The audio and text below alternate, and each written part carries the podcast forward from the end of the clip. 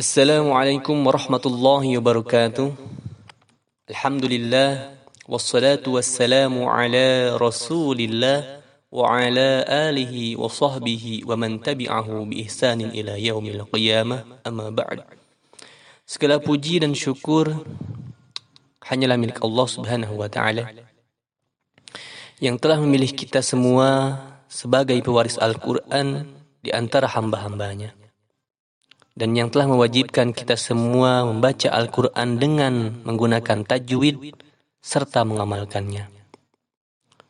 Salawat dan salam semoga tetap tercurah kepada Nabi kita semua, Nabiullah Muhammad sallallahu alaihi wasallam kepada keluarganya, para sahabatnya, para tabi'in tabi'atnya, serta kepada kita semua semoga kelak mendapatkan syafaatnya. Amin ya Allah ya Rabbal Alamin. Ikhwani fillah, di mana pun anda berada, semoga Allah merahmati kita semua. Pada kali ini saya akan sedikit membahas tentang tajwid, yang mana tajwid menurut bahasa yaitu memperindah atau memperelok suatu. Sedangkan tajwid menurut ilmu kiroat yaitu melapalkan setiap huruf dari makhrajnya dari melapalkan setiap huruf dari tempat keluarnya dengan benar serta memenuhi hak-hak setiap huruf baik dari segi sifat lazima maupun sifat aridohnya. Maka dari itu kita tarik kesimpulan bahwasanya tajwid itu berarti membaca setiap huruf Al-Quran dengan benar sesuai dengan makhrajnya sambil memperhatikan sifat-sifatnya. Seperti sifat kuat, lembut, tebal, tipis, dan lain sebagainya. Ikhwanifillah perlu kita ketahui bahwasanya hukum daripada mempelajari ilmu tajwid itu fardu kifayah. Yang mana ketika dalam suatu kampung ada satu orang saja yang mempelajari ilmu tajwid maka yang lainnya gugur kewajibannya. Namun ketika kita akan membaca Al-Qur'an maka hukumnya menjadi fardu ain mempelajari ilmu tajwid. Karena membaca Al-Qur'an tanpa menggunakan ilmu tajwid menjadi dosa. Karena tujuan eh, apa?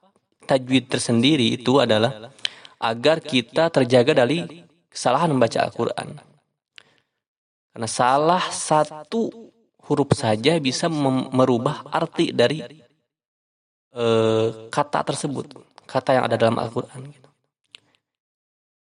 Ada kalimat yang harusnya ditasdidkan, ada huruf yang harusnya ditasdidkan, kita tidak tasdidkan, bisa merubah artinya.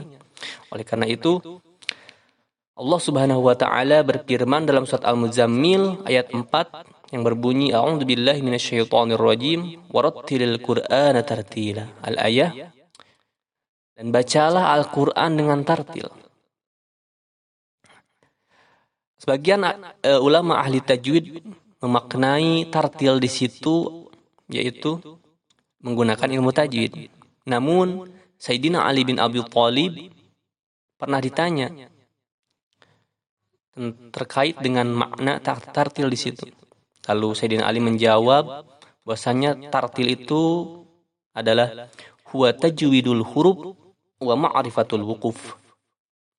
Tartil adalah membaguskan bacaan huruf-huruf Al-Quran dan mengetahui tempat-tempat berhentinya. Oleh karena itu, marilah kita bersama-sama mempelajari ilmu tajwid, mendalami ilmu tajwid agar kita terjaga dari kesalahan membaca Al-Quran.